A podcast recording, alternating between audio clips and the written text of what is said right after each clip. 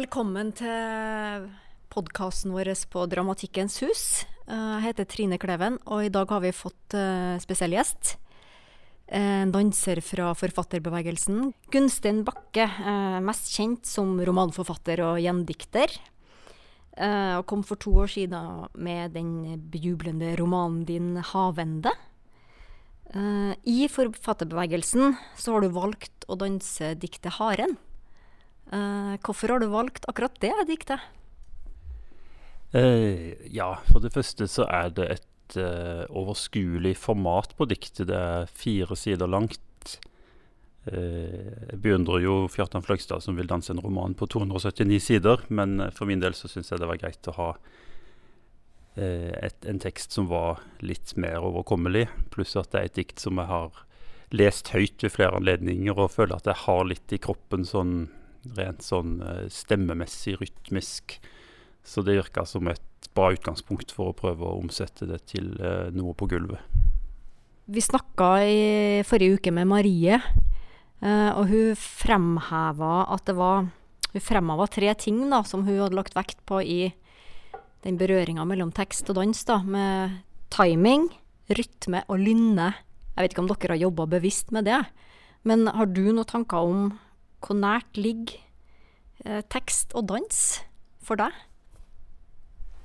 Altså Den dansen som har oppstått gjennom dette prosjektet her, er jo blitt noe helt, helt annet enn det diktet var. Det diktet var bare et springbrett, et utgangspunkt for å begynne å jobbe.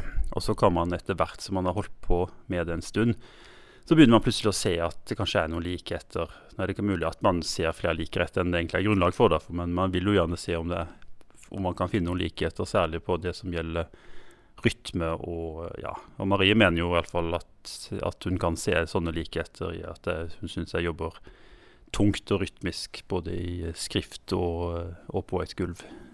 Så eh, jeg vet ikke helt hvor mye, hvor mye likheter som finnes her, men eh, det er et eller annet med at du jobber jo fram et språk på et eller annet vis. Om det er med kroppen på et gulv, eller om det er med ord på et ark, så er det jo en slags Du skal ut med et uttrykk, da.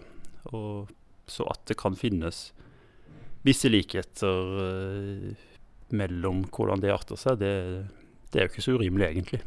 Kan du fortelle litt om hvordan du jobber når du, når du danser dansen din? da? Eh, Hvordan tenker du? Er det diktet du tenker, eller er det bevegelsen, eller hva, hvordan jobber du deg frem? Altså, det har jo vært en, en ganske lang prosess. Vi har jo jobba i en del, en del uker med dette her. Og eh, til å begynne med så gikk vi jo mer inn for bare å finne interessante bevegelser. For å se hva slags materiale man kunne få fram som var interessant å jobbe med. Og Da leste vi gjennom diktet en del ganger og brukte noen passasjer og ord derfra som, som en slags innganger til å forsøke ut forskjellige bevegelser. Og noen av de ble med videre, og noen ble ikke det. Og så begynte man etter hvert å sette sammen disse bevegelsene man fant da til en større helhet gradvis. Så diktet har betydd noe for at det har blitt som det har blitt. Men det, det kan godt hende at hvis en helt annen tekst hadde vært utgangspunktet, så er det ikke sikkert at resultatet på gulvet ville vært veldig annerledes enn dette her. Det er vanskelig å vite. Jeg tenker at det her er jo meg personlig, da. Jeg tenker at dans, det å stå alene og danse, er så mye mer utleverende da, enn, enn å lese en tekst. Men jeg vet ikke, har du noe Har du dansa før? Har du, har du noe forhold til dans? Nei, jeg har et forhold til 80-tallets freestyle-disko, men ikke noe utover det. Men jeg vet ikke om jeg har tenkt så mye på det som dans på den måten. Jeg tenker vel mer på det som gjøre meningsfulle bevegelser på et gulv. Altså at de bevegelser man gjør skal på et eller annet vis ha en slags tyngde eller berettigelse. Eh, Føles, føle at de har en forankring i det materialet som man jobber med. Så egentlig så For ordet dans er så mye, og er, man får så fort assosiasjoner til eh, ballerinaer som tar piruett eller lignende, som er relativt langt fra det vi snakker om her. Så eh, jeg har kanskje ikke tenkt så mye på det, egentlig. Det er jo et prosjekt som har blitt noe helt annet enn jeg trodde det kunne bli.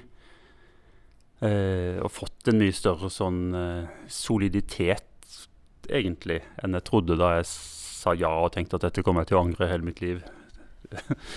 Så det har jo på en måte fått en For meg har det også blitt en ganske overraskende prosess som, eh, som jeg absolutt ikke ville vært foruten. Eh, men eh, om det kom til å forandre mitt forhold til mine egne bevegelser i framtida, det tør jeg ikke spå noe om. uh, kan du si litt om hvordan dere begynte med prosjektet? Uh, hvorfor ville du være med på det? Eh, altså Marie, som er en tidligere student av meg fra forfatterstudiet i Bø i Telemark, sendte denne mailen og skisserte prosjektet og spurte om jeg ville være med. Da visste jeg allerede at hun hadde hatt et prosjekt tidligere med De Grønne, hvor hun hadde fått amatører til å danse. Så da jeg så den mailen, så skjønte jeg vel instinktivt at hvis jeg tenker meg om hva dette innebærer, så kommer jeg aldri til å tørre. Så jeg bare svarte og skrev ja med en gang, før jeg liksom rakk å begynne å tenke over hvor skremmende dette var. Uh, og det var vel fordi at det tross alt er ganske fristende også å være med på noe som er så uventa og så langt hinsides det man hadde noensinne sett for seg at man skulle bli involvert i. Så det var starten, da, på, på det hele.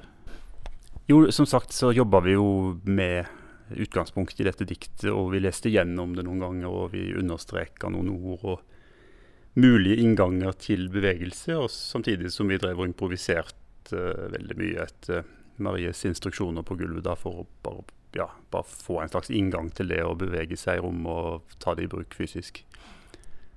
Og så etter hvert så eh, Ja, vi var oppe på vi fikk jo involvert i mitt prosjekt en, eh, en eh, kar til som heter Morten, som skal være med på min solo og, som en bidragsyter. Så vi tre var oppe på Ekeberg og drev og løp rundt på gresset der og prøvde ut forskjellige sånne ideer vi hadde i forbindelse med diktet. Det var jo stort sett i stor grad ideer som faktisk ikke ble med til slutt, da, men som likevel ble en viktig del av prosessen og eh, ja, førte oss videre til andre stadier i hvordan vi tenkte rundt det, som, eh, som, eh, som har blitt med i det som ble soloen. Tror du at det prosjektet her, eller det å være med og ha dansa et verk, da, eller en tekst, eh, vil påvirke kunstnerskapet ditt fremover? Veldig vanskelig å si. Det, eh, når du sier kunstnerskapet mitt, så går jeg jo ut fra at du tenker på det jeg kommer til å skrive i framtida, for jeg regner jo fremdeles med at det er det jeg hovedsakelig skal leve av, ikke å danse.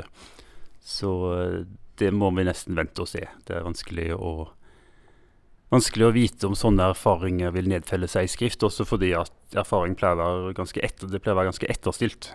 For min del iallfall det som skjer sånn med hvordan, hvordan erfaringer tar seg inn i, eh, i skrift. Så eh, vi får se. Har du premierenerver?